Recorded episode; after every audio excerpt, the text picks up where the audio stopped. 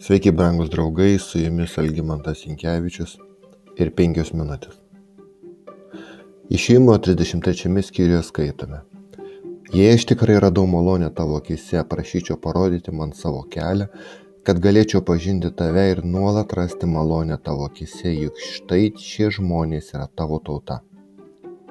Ir viešpats tarė mozį, padarysiu ir tai, ko prašai nes tu iš tikrųjų radai malonę mano akise ir tave aš pažįstu vardu. Tada Mozė tarė, prašyčiau parodyti man savo šlovę. Dieviškųjų nurodymų susitikimo palapinė, kuri tarnavo kaip laikina garbinimo vieta, buvo pašalinta iš stovyklos. Tai ne ta padangtė, apie kurios įrengimą Dievas davė tikslius nurodymus, kaip ją pastatyti, įrengti, kokius daiktus ir iš ko padaryti. Dievas lėdamas pastatyti laikinąją garbinimo vietą už stovyklos ribų, parodo malonę ir tuo pačiu, kad pasiekmes ir atsakomybė už mūsų veiksmus išlieka. Mozė labai norėjo, kad viešpats parodytų jam tik tą kelią, kurį jis, Dievas, norėtų eiti link Kanano žemės.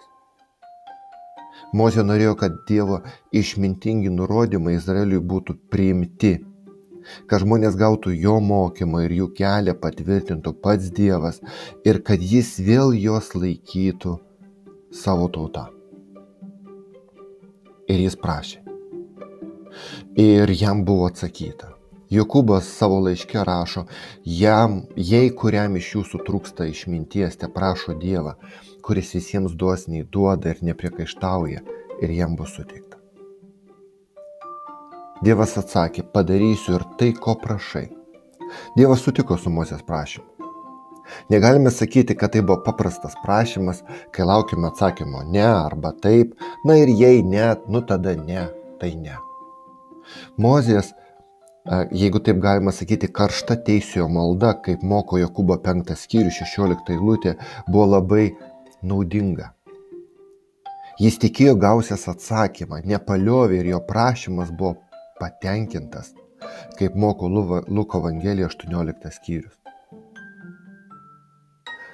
Svarbios, jeigu taip galima pasakyti, jeigu taip galėtume pasakyti, ypatingos maldos, nes kiekviena malda yra svarbi, o ypač maldos už kitus yra tikėjimo, mūsų tikėjimo parodimas. Ir tokias maldas galime rašti šventajame rašte, Trabraumo malda už Sodomą, pradžios 18 skyrius, Danieliaus malda už tautą, Danielius 9 skyrius ir Kristaus malda už savo mokinius, Jono 17 skyrius. Toliau Dievas sako Mozei, aš tave pažįstu vardu. Sutikite, kiekvienas norėtume išgirsti tokį Dievo pripažinimą savo atžvilgiu. Ir iš tikrųjų yra Dievas, yra tas, kuris mus pažįsta. Skirta mus galbūt tik tas, kad Mozė buvo asmeninis Dievo draugas. Rytotiš, rytietiškose, atsiprašau, kraštuose labiau nei vakaruose asmeninė pažintis padeda atverti duris, kurios kitų atveju liktų uždarytos. Dievas atveria duris savo draugui Mozijai ir sako, užeik mano draugė.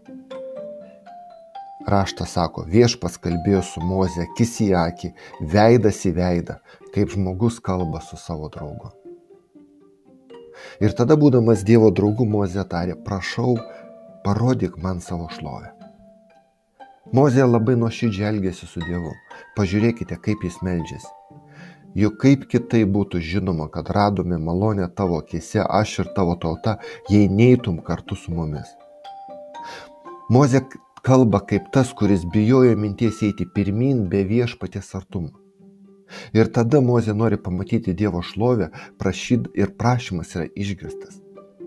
Visiškas Dievo šlovės parodimas be bejonės, jei galime sakyti, priblokštų net patį mozį. Žmogus yra nuodėmingas, piktas ir nevertas, silpnas ir negali pakesti Dievo šlovės. Kas yra tada Dievo šlovė? Dievo charakteris yra jo šlovė, Dievo gerumas yra jo šlovė.